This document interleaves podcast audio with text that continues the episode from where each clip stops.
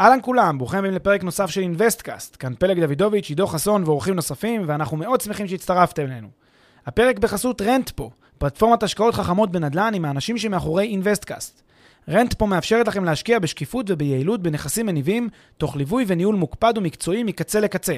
היכנסו ל-rentpo.com, חפשו השקעה שמעניינת אתכם ותאמו איתנו פגישה דיגיטלית. בנוסף, לפני שנתחיל, נזמין אתכם להצטרף לקהילת המאזינים של אינוויסטקאסט בפייסבוק. חפשו אינוויסטקאסט בשורת החיפוש והצטרפו לקהילה. ועכשיו לפרק נוסף של אינוויסטקאסט.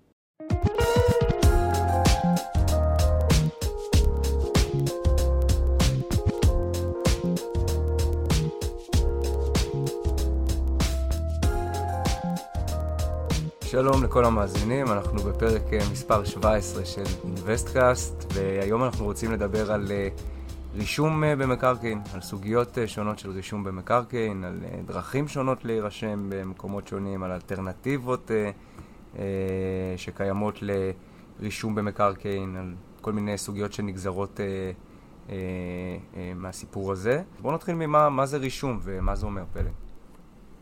רישום, אה, רישום של זכויות במקרקעין זה בעצם אה, פעולה שאפשר לומר שהיא אה, טכנית, אבל היא מאוד מהותית. זאת פעולה שבה בעצם אני לוקח איזושהי זכות שיש לי מכוח חוזה, ואני הופך אותה לזכות שכולם צריכים לכבד אותה. אוקיי? יש איזשהו עניין, לא ניכנס תמיד בפודקאסט, בפרק הזה, הפן המשפטי של, של זכות הקניין, ומה המשמעות של קניין, ואפילו לטעמים היותר אה, פילוסופיים, כי זה באמת לא, אה, לא... זה קצת חורג ממה שאנחנו נדבר עליו כאן, אבל ברמת העיקרון יש חשיבות יתרה לקחת אה, זכויות ששני אנשים, פלג ועידו, עושים ביניהם חוזה, אז יש אינטרס חברתי שלפעמים את החוזה שלהם כולם יצטרכו לכבד. לא רק פלג ועידו. כן, נגיד אני ואתה עושים חוזה, זה לא אומר שרק אני ואתה צריכים אה, אה, לקיים אותו, לפעמים גם אחרים צריכים לקיים אותו. באיזה אופן? קודם כל יש את הפן השלילי. זאת אומרת, אסור לאף אחד להפריע לקיום שלנו. יש גם אה, עבודה בנזיקין כזה, אפשר להגיש נגדך תביעה, או נגד מישהו אחר, אם הוא גרם להפרה של חוזה ביני לבינך. אוקיי? מעבר לעובדה שלי ולך יש תביעה אחד כלפי השני, אם מישהו מאיתנו הפר את החוזה מולי, מולו, כאילו, מול הצד השני. אבל גם יש לצד שלישי ש... שמפר חוזה, שגורם לשניים אה, להפר חוזה. יש אה, עילה נזיקית כזאת, אפשר לתבוע אותו בנזיקין. אבל זה הפן השלילי. יש גם פן חיובי, כלומר, כשיש שני אנשים שעושים ביניהם חוזה, לפעמים את החוזים האלה אנחנו נרצה לתת להם מעין תוקף כזה, שכולם יצטרכו לכבד בפועל, במעשה. לא רק לא להפריע, לא רק לא, לא, לא אלא ממש לכבד את, ה, את החוזה הזה. אה, או ממש לכבד איזושהי זכות מסוימת. אז אתה אומר שהרישום הופך את, ה... הופך את הזכות שלך לזכות כלפי כולם, ולא כלפי, לא מחויבות כלפי מישהו מסוים שאתה חותם איתו חוזה. הרישום בדיוק זה פעולה שהיא טכנית כעיקרון, רק היא עושה איזשהו משהו אמיתי, היא הופכת את ההסכם הזה שיש בין, ביני לבינך להסכם שהוא רק בינינו, להסכם שכולם צריכים לכבד אותו. כן. כולי עלמא קוראים לזה. כן? כולם צריכים לכבד אותו. אז uh, זה, זה המשמעות ה, ה, כן, המהותית של ה... אבל יש לו גם משמעות uh, טכנית ל, ל, לרישום, וזה בעצם העובדה שצריך לרשום. עכשיו, מה, מה זה צריך לרשום? צריך לאיזשהו מקום שקוראים לו מרשם, או הרשם, תלוי איך אתה רוצה לקרוא לזה, הרשם, רשם המקרקעין, או מרשם המקרקעין, או הטאבו בארץ. והולכים, מגישים שם מסמכים, יש סט מסמכים מאוד מסודר, יש גם... Uh, צ'קליסט מסודר גם שאפשר לראות באתר משרד המשפטים וכל מיני, ולראות בדיוק מה, מה, מה טעון אה, להגיש אותו כדי לרשום כל זכות שיכולה להיות במקרקעין, בין אם זה בעלות, בין אם זה משכנתה, בין אם זה אפילו שכירות ארוכת טווח, זכויות שימוש למיניהן, כל מיני זכויות שאפשר לרשום אותן אה, ברמה של, אה, ברמה, ברמה של, ולתת להם תוקף אה, פומבי כזה, תוקף... אה, שכולם יצטרכו לכבד אותו. אז אוקיי, ותכף אני רוצה לשאול אותך לגבי איך זה עובד גם במקומות אחרים, ולאו דווקא בטאבו ספציפית אצלנו ב... אתה יודע, ב... פיסת ה... בפיסת, בחלקת האלוהים הקטנה שלנו. כן. אבל בטאבו אפשר לרשום אה, בארץ לפחות כל נכס? כל הנכסים ניתנים לרישום בטאבו? הרבה מאוד מהנכסים בישראל, יש שני סוגים של, של, של בעיות שיכולים להתעורר בעת רישום. אחד זה מקרקעין שהם לא מוסדרים, זה כבר חלק מאוד מאוד קטן, רוב המקרקעין בישראל כבר עברו תהליך של הסדר זכויות. חלק מהמקרקעין עדיין לא, ואז בעצם אין משמעות רישומית יותר מדי, זה משמעות אה, לכאורית, לא ניכנס להבחנה הזאת יותר מדי. מה שכן, יש עדיין הרבה מאוד קרקעות שבטאבו, אם תסתכלו, אתם לא תראו אה, על שם אה, שושנה ואיציק כהן, אתם תראו על שם עורך דין כך וכך, חברה, ל, ל, חברה משכנת אה, בעם, או חברה משכנת בצורה כזאת או אחרת, ואז בעצם אומר שהבעלים זה בעלים כרגיל, זה, זה אנשים שהם כאילו כרגיל הם הבעלים. הם לא באמת בעלים ברמה של 100%, המדינה היא הבעלים, רק הם מקבלים מה שנקרא חכירה לדורות, שזה הכי קרוב לבעלות שיש, ומה שעושה אותה חברה, או חברת עורכי דין, חברה משכנת, היא בעצם רק דואגת לרישום, כלומר, היא הופכת להיות מעין טאבו עבור הזכויות של, ה, של, ה, אה, של כל הדיירים באותו, באותו מתחם, באותו בניין. זה קורה בהרבה מאוד אה, נכסים ישנים יחסית, יש הרבה מאוד נכסים בירושלים שעדיין כך, בהרבה ערים, בפתח תקווה, בהרבה מאוד ערים יש עדיין נכסים שהם אה, רשומים תחת חברות משכנות. וממה, אז למה זה נובע? למה חלק מהנכסים אפשר רק לחקור לדורות ולא לקנות בעלות? אה, למרות שמבחינת מעשית, בסופו של דבר זה סוג של... אפשר לקרוא לזה הדבר הכי קרוב לבעלות, אבל למה, למה בעצם נכסים מסוימים אפשר רק לחקור לדורות ונכסים אחרים ממש אפשר לקנות בעלות מהם? יש פה איזושהי סיבה היסטורית ש... האגדה האורבנית אומרת שזה נובע מרצון של המדינה לשמור את הקרקעות בבעלות אה, ציונית יהודית, לא אה, למכור את הקרקעות לצדדים שלישיים. אה, יכולות להיות גם סיבות פשוט בירוקרטיות, שהמדינה קשה לשחרר קרקעות, ואנחנו רואים את זה בכל דבר, בכל תחומי, ה... בכל תחומי החיים שקשורים לנדל"ן. מדינה מאוד קשה לה להפריט קרקע בישראל. וחלק עצום, אני חושב ש-90% מהקרקעות בישראל הם בבעלות המדינה. זה אומר שהם עדיין בבעלות המדינה או מוסדות המדינה. מה כן? שקוראים מינהל. מינהל, אדמות מינהל, או קרן קיימת. שזה בעצם אה, אדמות מדינה. במקום שהבעלים פרטיים יהיו הבעלים של הקרקעות, המדינה מחזיקה בהם. נובע מתפיסה קצת, אה, תגיד, תרצה אפילו אולי קומוניסטית ישנה, שאנחנו מחזיקים מאז שהקמנו את המדינה, מין חרדתיות מסוימת. והתהליך הזה גרם לזה שהרבה מאוד מהקרקעות פשוט לא, לא הופרטו לידיים פרטיות, ולכן אה, אה, כל מיני חברות משכנות, או כל מיני אה, אה, גופים מטעם המדינה אה, מנהלים את הנכסים האלה. לפני שנמשיך, כמה שניות מזמנכם. הפרק בחסות Rentpo, פלטפורמת השקעות חכמות בנדל"ן עם האנשים שמאחורי אינוויסטקאסט. Rentpo מאפשרת לכם להשקיע בשקיפות וביעילות בנכסים מניבים, תוך ליווי וניהול מוקפד ומקצועי מקצה לקצה. היכנסו ל-rentpo.com, חפשו השקעה שמעניינת אתכם, ותאמו איתנו פגישה דיגיטלית. טוב, ותגיד, כשאני קונה דירה להשקעה בארץ, אז מה, יש לי איזה שהן הגנות אה, גם לפני, שאמרנו שדיברנו על רישום, שהוא כלפי כולי עלמא, ושהוא מחייב אה, לא רק בין הצדדים, אלא גם כלפי כולם וצדדים שלישיים. אה, מה, מה, קורה, מה קורה לפני? מה, איך, איך נראים השלבים שלפני הרישום של הנכס? כן, אז המונח שבדרך כלל כולם מכירים בהקשר הזה הוא מונח שנקרא הערת אזהרה. אבל נגיד איזה אמירה לפני כן. כשאני אה, נכנס לעסקה שבה אני קונה קרקע, או קונה נכס בישראל, אני רוצה בסוף לקבל בעלות בנכס הזה. זה שמוכר לי רוצה לתת לי בעלות בנכס ולקבל כסף בתמורה לבעלות, כן, עסקה פשוטה. רק מה, יש לפעמים פערי זמן, לפעמים פערי זמן משמעותיים בין הרגע שבו אנחנו חתמנו להסכם, עד לרגע שבו ההסכם הזה יושלם. וזה קורה מהרבה מאוד סיבות. הסיבה העיקרית היא כאשר אה, אה, הקונה צריך לקבל משכנתה כדי לקנות את הנכס. אין לו כסף היום, הוא קונה את הנכס כרגע ב... עם תנאי מתלה, או שהוא קונה את הנכס בלי תנאי מתלה והוא מתחייב לשלם, אבל הוא צריך לגלגל משכנתה, תהליך של, של רכישת ה... של קבלת משכנתה לצורך רכישת הנכס. הדבר הזה לוקח זמן, לפעמים מספר חודשים. דבר שני, לפעמים גם המוכר לא מוכן לפנות עכשיו את הדירה, הוא רוצה לפנות את הדירה עוד אה, חצי שנה מהיום, כן? כי הוא בעצמו עובר לדירה אחרת. הוא לא מוכן עכשיו לפנות את הדירה, הוא רוצה להמשיך לגור בה. אבל הוא רוצה להתחיל לגלגל את תהליך המכירה כבר היום. אז מה שקורה, הוא ימכור לך את, ה... את הנכס בעסקה. עדיין לא יעביר אבל את הבעלות על שמך. יש פה איזשהו מנגנון שעורכי דין של הצדדים והצדדים יצרו, וזה מיוחד לדין הישראלי, כי בדין הישראלי זה ככה עובד, במקומות אחרים זה לא עובד ככה, אני גם תכף אולי אתייחס לזה. אבל בישראל מה שמאוד נפוץ זה שכאשר בן אדם יוצא מנכס, או כאשר בן אדם, סליחה, מוכר את הנכס שלו בעסקה עדיין ללא שהוא יצא ממנה, הוא מעדיף לשמר את הבעלות אצלו, עד לרגע שבו הוא התקיימו כל התנאים. הוא קיבל את כל הכסף שלו, הוא השלים את העסקה, אז, אז הוא יודע שהוא יכול להעביר את הבעלות בשקט.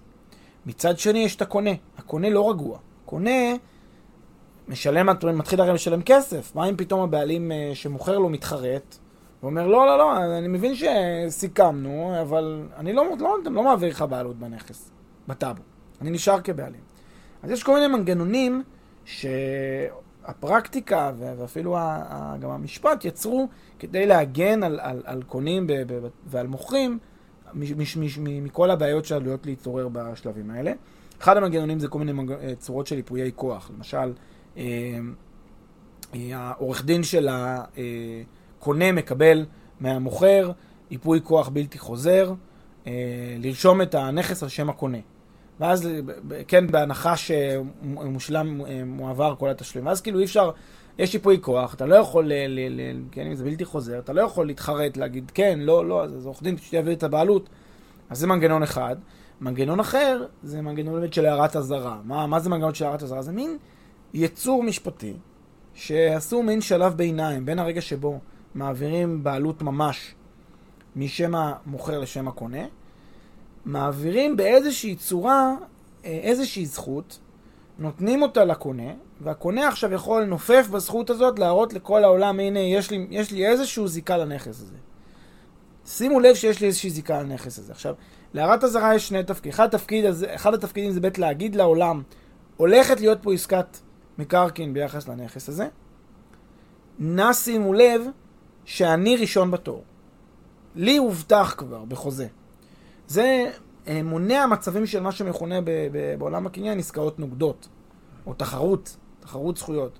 יש קונה ומאוחר וקונה מוקדם, והקונה המוקדם קנה, הוא רושם הערת אזהרה על זכותו, והקונה המאוחר בא ואומר, עכשיו כשאני רואה שיש הערת אזהרה לקונה המוקדם, אז אני לא, לא ארוץ ואתקשר בחוזה הזה, כי לי יש עורך דין, אני מיוצג, אני, עורך דין שלי בדק והוא ראה שיש פה הערת אזהרה לנכס. הערת אזהרה היא כמו תמרור כזה שיופיע ב... כמו תמרור של סימן קריאה שיופיע בטאבו שכולם יראו אותו. זה המשמעות האחת של הערת אזהרה. המשמעות השנייה של הערת אזהרה זה שגם הטאבו לא יסכים לרשום הערה, עסקה, שנוגדת את תוכן ההערה. זאת אומרת, גם אם אה, מאיזושהי סיבה מישהו טעה והתבלבל וכולי, יש פה איזושהי... אם מישהו יבוא וירצה לרשום איזושהי עסקה מאוחרת שנוגדת את תוכן ההערה, הערת האזהרה, נגיד ההערה אומרת אסור לרשום עסקאות, אז הטאבו לא יכול לרשום גם עסקה. אז יש לך פה שני שלבים, שתי דרכים להגן על, על הקונה מפני איזשהו מהלך שבו אה, מישהו יבוא מאוחר יותר ויפגע ויעשה פה איזושהי עסקה נוגדת. אבל חשוב לומר ש... אה, בסופו של דבר, כל זמן שלא היה רישום מלא של הזכויות של הקונה, הוא לא במאה אחוז מוגן, הוא רק כמעט מוגן. אה, בסדר, ומה לגבי הרישום אה, בטאבו עצמו? ככה זה עובד בכל השווקים בעולם? יש טאבו בכל השווקים בעולם? יש פרקטיקות אחרות? יש נוהג אחר? יש חוקים, חקיקה אחרת שמתייחסת לרישום של קרקעות? אז זה ממש לא ככה בכל העולם. למעשה טאבו, אני חושב שכגישה זה גישה נכונה שמואמצת בצורות אה, דומות או שונות גם בעולם, אבל כלומר הרעיון שמונח בבסיס הטאבו, רעיון הפומביות, מיושם בצורה כזאת או אחרת בהרבה מאוד מדינות, בטח במדינות המפותחות, אבל לא כולם מיישמו אותו בצורה של טאבו. אה, טאבו זה, מה שמאפיין אותו זה שזה משרד אה, ממשלתי או כפוף למשרד המשפטים, לשכת רישום המקרקעין, פונקציונר שרושם את כל הקרקעות שיש במדינת ישראל, כולם ממופות לפי גוש חלקה. לפי מספר קרקע, אה, ואפשר לרשום שם זכויות עד לרמת, אה, עד לרמת תת היחידה, כלומר עד לרמת ממש דירה ספציפית. לפעמים צריך לעשות גם עוד פעולות כדי לאפשר רישום של אה, דירות ספציפיות, פרצלציה זה נקרא, שזה בעצם חלוקה של יחידה לתתי יחידות. ואז אתה יכול לעשות בעצם רישום של זכויות ברמה של תתי יחידה. מה, מה שקרוי גוש, חלקה, תת חלקה. גוש, חלקה, תת חלקה, בדיוק. זה הפרצול, זה בעצם התהליך שבו אני לוקח ועושה פיצול של החלקה הזאת לתת חלקה, כדי שאפשר לרשום כל אחד מהבעלים בתתי החלקות האלה. אה, בחו"ל יש מנגנונים אה, דומים לזה, שאו שזה משרד, משרדי רישום אה, מקומיים, לאו דווקא מדינתיים. למשל בגרמניה, שזה פדרציה, אז לכל מדינה, כן, תת מדינה בגרמניה, אה, כל אחת מחברות הפדרציה, יש אה, מרשם מקרקעין משלה, שמתנהל לפי חוק המקרקעין משלה, חוק המקרקעין שלה, אה, ויש לו נהלים משלו, איך רושמים, מה, מה רושמים. כן, זה די דומה גם בחברות המשכנות בארץ, אני גם תכף אגיד לזה מילה, זה די דומה לתהליך, תכף אני אתייחס לזה. יש uh, במדינות, uh, זה גם ככה uh, בארצות הברית, יש איזשהו מרשם לכל, uh, לכל סטייט, לכל מדינה, uh, וגם התהליך שם הוא תהליך uh, יחסית דומה, אבל לא בכל מדינה זה ככה, יש מדינות שיש מה שנקרא public notary, נוטריון ציבורי, שזה מעין uh, uh, נאמן מטעם המדינה, שמקבל אסמכתה מדינתית, הוא רושם נניח את, את, מהרחוב הזה ועד הרחוב הזה, בעיר הזאת והזאת, זה נכסים שנמצאים תחת uh, הש, הש, הניהול שלו, ואם אתה רוצה לדעת מה הזכות, אתה צריך להגיע אליו, עסקאות מבוצעות אצלו, אתה צריך להגיע אליו כדי לבצע את העסקה. אתה צריך להיות, אתה צריך לעדכן אותו על כל עסקה, על כל שינוי, גם הוא יש לו כל מיני נהלים שהוא אוכף ומוודא שנעשים כדי שהוא ישנה זכויות. אה, אפשר גם אצלו להפקיד, כמו שאמרתי קודם, להפקיד חוזה אם שני אנשים עשו עסקה והם רוצים להגן על עצמם מפני עסקה מאוחרת, הם יכולים להפקיד שם את החוזה, ואז כל בן אדם שירצה להגיע אליו יראה את החוזה שכבר נחרט לגבי, ה... לגבי הנכס הזה. והוא לגב... למעשה עורך דין פרטי שמקבל הוא... סמכות מהמדינה לרשום באזורים מסוימים. כן, זה עורך דין, אה, עורך דין, אה, אבל הוא, המילה פרטי קצת מבלבלת, כי זה עורך דין בכל זאת שקיבל איזשהו, עבר כנראה איזשהו תהליך של הסמכה מאוד מסודרת, זה מישהו ש... אה, כן, עבר כבר אה, את המשוכה, ויש יש, יש מידה מסוימת של אה, קרדיביליות שנותנים לו, שהמדינה נותנת לו, אבל זה לא עורך דין פרטי במובן הזה שזה לא כל אחד יכול עכשיו להיות פאבליק uh, נוטרי ברחוב הספציפי הזה, זה צריך להיות זה שקיבל את, ה, את, ה, את, ה, את האסמכתה הזאת מהמדינה. יש מדינות שבהן אין, אה, מדינות שבהן אין, אה, אין בכלל רישום. כלומר, העסקאות מבוצעות כעסקאות... Uh, על בסיס uh, אמון, בסיס חוזים, ואז uh, יש, קורים שם כל מיני דברים. אחד זה uh, התהליך הבירור, הוא תהליך בירור יותר uh, מורכב, צריך ממש להתחקות אחרי נכסים כדי להבין אם אין שם אנשים שיטענו מאוחר יותר לזכויות קודמות. תהליך של uh, להראות חוזים, להעלות חוזים מן האוב, להראות כן, היה לי פה עסקה לפני כמה שנים, אני הבעלים פה וכולי.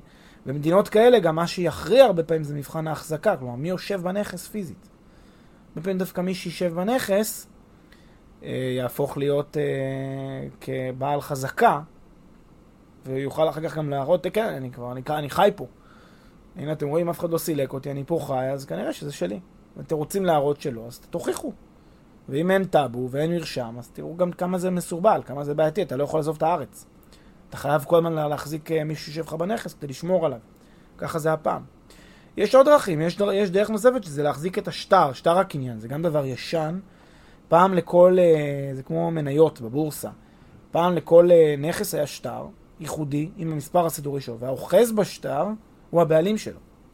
אם, היה, אם, אם הייתי רוצה לעשות עסקה עם בעל החלקה הזאת והזאת, הייתי צריך לחפש את בעל השטר, שייתן לי אותו. עכשיו תראה כמה זה מסורבל ומורכב, כי, ואומרים את זה גם היום אגב באופן אירוני על הביטקוין. על הארנקים הדיגיטליים, שאם uh, בעל השטר מת, והשטר עצמו, מקומו לא ידוע, כי הוא טמן אותו בחול איפשהו, אין, אין, אין, זה מין כזה נכס שאין לו, אין לו אבא ואמא. אף אחד לא יכול להיות בעלים שלו. Uh, שזה מוזר, נכון?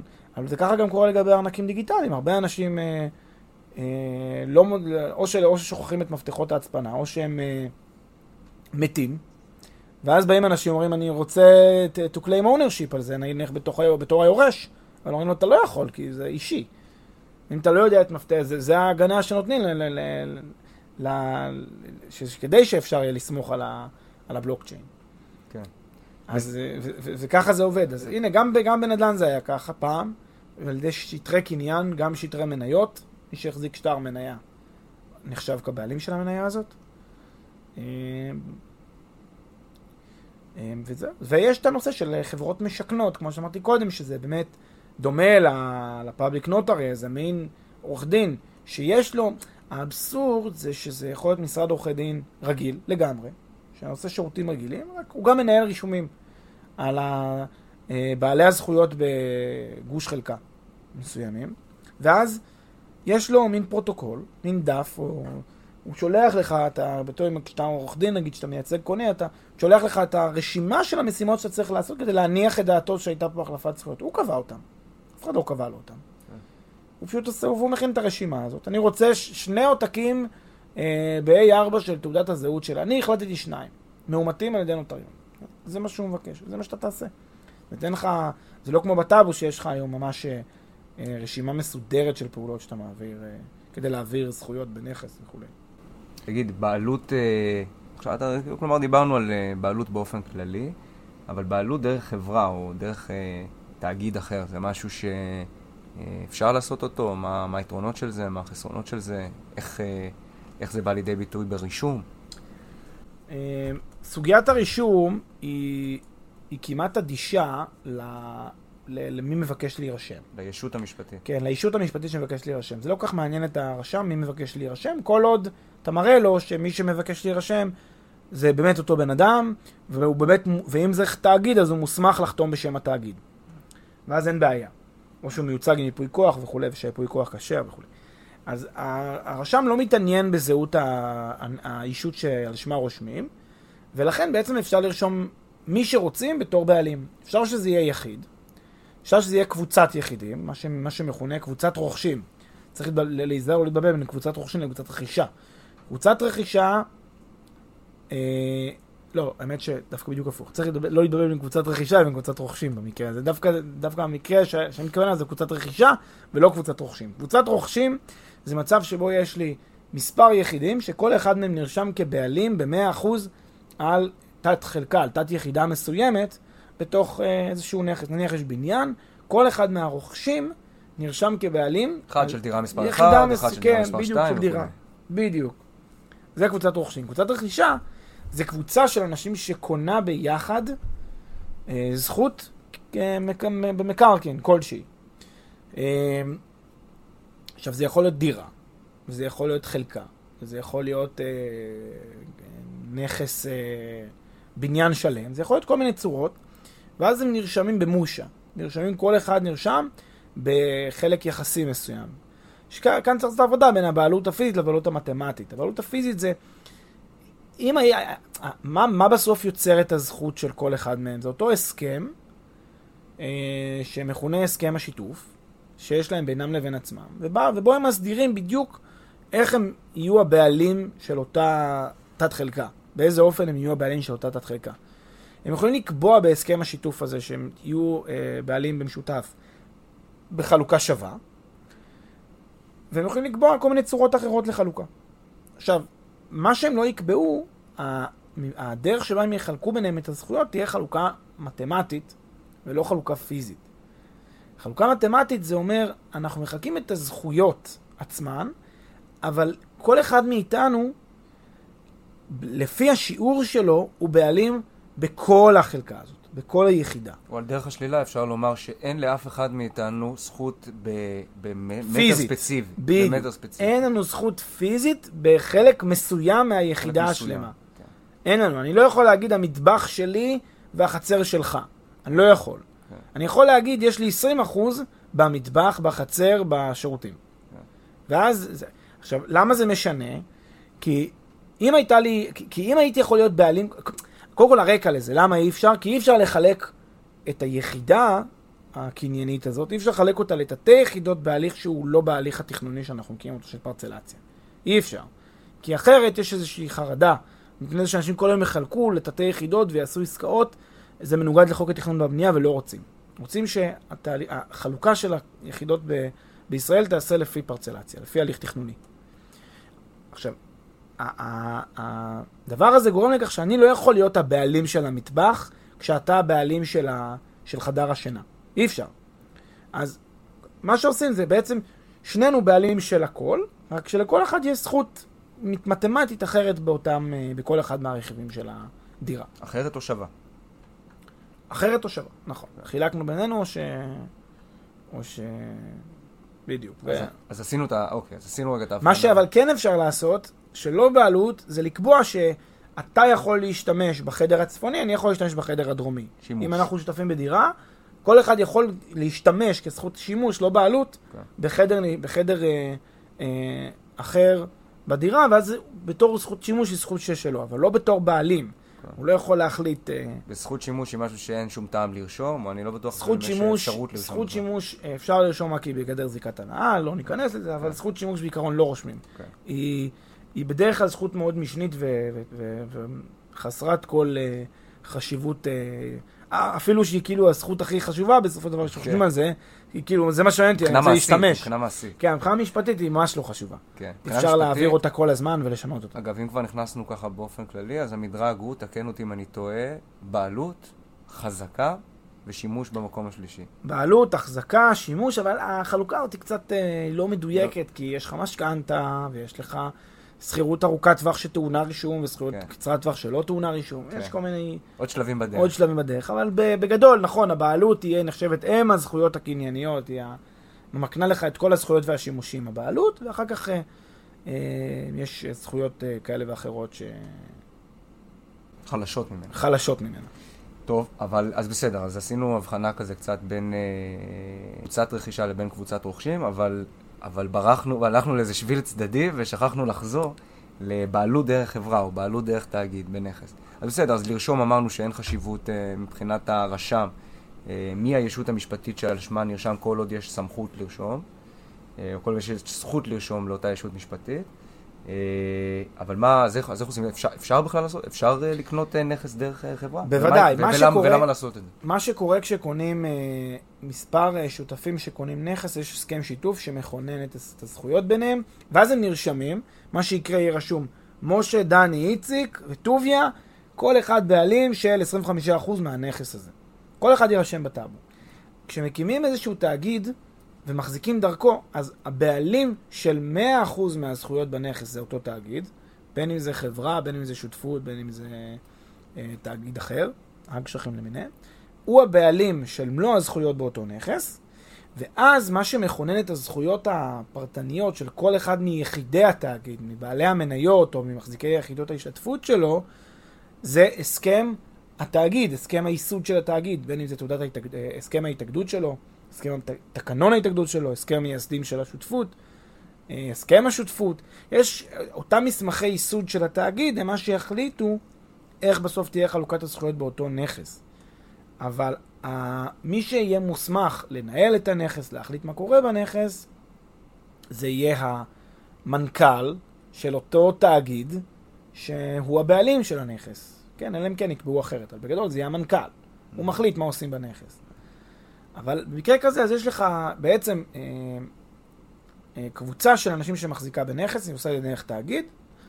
בטאבו היא תירשם בתור... אה, אה, זה מה שעושים הרבה פעמים קבוצות רכישה, שלא רוצות להירשם כיחידים, הם רוצים להקים את זה דרך חברה מכל מיני שיקולים, אז הם מקימים חברה, הם קוראים לה גוש חלקה, חברת גוש חלקה זה מושג ידוע, גוש 7458, חלקה 126, ואז הם קוראים לזה ככה בעם, נרשמים כבעלים, כל אחד מקבל אה, 11% מתוך, ה, מתוך הדבר הזה, עם תשעה אנשים, ונרשמים ככה כבעלים אה, ומנהלים את ענייני הקבוצה דרך החברה. ומה באמת השיקולים? אז למה, למה שאנשים יבחרו להיכנס... אה, יש לא, המון... או, או לעסקת השקעה. בוא, בוא, בוא נתייחס נגיד למקרה של עסקת השקעה. יש איזה יתרונות, אה, אולי זה בשווקים אה, מסוימים אה, יותר נכון אה, לעשות את זה דרך חברות, בשווקים אחרים פחות נכון? מה, מה השיקולים? יש המון הבדלים בין השקעה כיחידים לבין השקעה באמצעות אה, חברות ובכלל תאגידים. אפשר להגיד שברוב רובם של המקרים ההסבר הוא הסבר מיסויי. כלומר, השאלה היא בסוף שאלה מיסויית. אה, בחלק מהמדינות מעודדים התאגדויות, מעודדים תאגידים, ויש הטבות מס לחברות מסוימות, או לתאגידים אחרים. ואז במקרה כזה אולי כדאי להקים חברה ולהחזיק בנכס באמצעות חברה. במדינות אחרות אה, דווקא לא כל כך אה, אוהבים את, בעלי העסקים, מסיבות אה, כאלה ואחרות, ואז מעדיפים דווקא שאנשים יחזיקו באופן פרטי. אבל ברוב המקרים מה שאני מנסה להגיד זה שהשאלה היא בסוף שאלה מיסויית יותר משאלה, משאלה משפטית אסטרטגית. ובמקרים כזה פשוט כאלה, פשוט צריכים להתייעץ עם אה, רואה חשבון, יועץ מס, והוא על כל, אה, שהוא, על כל עסקת השקעה שצריך להתלבט לגביה, צריכים לה- להחליט מהו מסלול המס האידיאלי בהתאם לאילוצים. ואז הוא מחליט. הוא מציע את ההצעה והוא מחליט. אה, אבל כמעט כל השווקים הגדולים בעולם, אנחנו מכירים המון שווקים, יודעים לעבוד גם עם חברות שקונות נכסים וגם עם יחידים שקונים נכסים, אין עם זה שום בעיה. חלק מהמדינות, למשל יש תאגידים שהם שותפויות, אולי גם על זה נעשה פעם פרק, ונסביר פעם ששותפויות בהרבה מאוד מדינות הן שקופות לצורכי מס. זה אולי אחד היתרונות שלהם, שאתה אתה נהנה מאחריות מוגבלת של תאגיד, אם אתה מקים נניח שותפות, שותפות מוגבלת עם שותף אה, כללי שהוא חברה בעם. קצת מורכב מה שאמרתי, אבל זה מה שאתה עושה, אתה עושה את זה כדי ליהנות מיתרונות האחריות המוגבלת של, אה, כמו שיש לחברה, חברה בעם, רק שאתה עושה את זה דרך שותפות, ואז אתה נהנה גם מהעובדה שאתה שקוף לצורכי מס, אתה נהנה מהיתרונות המס שנלווים לכך שאתה כאילו מחזיק במישרין בנכס. זאת אומרת, כשעכשיו אה, שותף בשותפות מוגבלת קונה דירה, באמצעות השותפות המוגבלת. מבחינת פקיד השומה, מבחינת המס, רשויות המס, זה כאילו השותף בשותפות המוגבלת מחזיק במישרין בדירה. והוא ימוסה כאילו הוא יחיד שמחזיק בדירה, ולא כיחיד שמחזיק בשותפות שמחזיקה בדירה. למה? בגלל שפקיד השומה לא, לא יודע מה זה שותפות, מבחינתו זה שקוף. אז זה למשל, הרבה אנשים אוהבים את המסלול הזה כי הוא כאילו נותן להם את שני היתרונות. אבל צריך לבדוק כל מקרה פרטנית, זאת אומרת, זה לא... יש, יש פעמים שזה עדיף, יש פעמים שזה עדיף. יפה, טוב, אז אני חושב שהדבר אה, המרכזי שלפחות אני לקחתי מפה זה ההבחנה, ב, כלומר זה נראה כל כך טריוויאלי שיהיה בכל אה, מדינה, בטח מדינה מתוקנת, אה, מרשם כללי שרושם את הבעלות בכל הנכסים של כולם. ומסתבר שהדבר הזה קצת יותר מבוזר במדינות מסוימות, מופרט במדינות אחרות, במרכאות מופרט. ושפועל באמת בדרכים שונות. וכנגזרת של זה, אז אני גם חושב שכדאי אה, לדבר עם אנשים שמבינים דבר או שניים לפני שנכנסים להשקעות בכל מיני שווקים אחרים ולא מוכרים. תגיד, תגיד תודה שאנחנו לא צריכים להשתמש עם שטר קניין, שטר, שטר קניין, כמובן כשאנחנו עושים עסקה, כן. אם הוא הולך לאיבוד אז הדירה הזאת נשארת מיותמת. כן, התקדמנו. טוב, אה, זהו, משפט לסיכום, משהו. שהדברים האלה, כמו, כמו הרבה דברים בחיים, חייבים אה, אה, לבדוק, להתייעץ עם עורכי דין, לא לעשות אה, עסקאות אה, במהירות בנדל"ן, זה מאוד מאוד רגיש, כי, אה, כי, כי הדברים האלה, אם אתה, לא, אם אתה בא עם חוסר ניסיון, עם חוסר ידע, אתה יכול למצוא עצמך מהר מאוד עם אה, מפח נפש אה, כלכלי. טוב, אז אנחנו נתראה שוב בפרק מספר 18? כן. 18. יאללה, תודה רבה. ביי.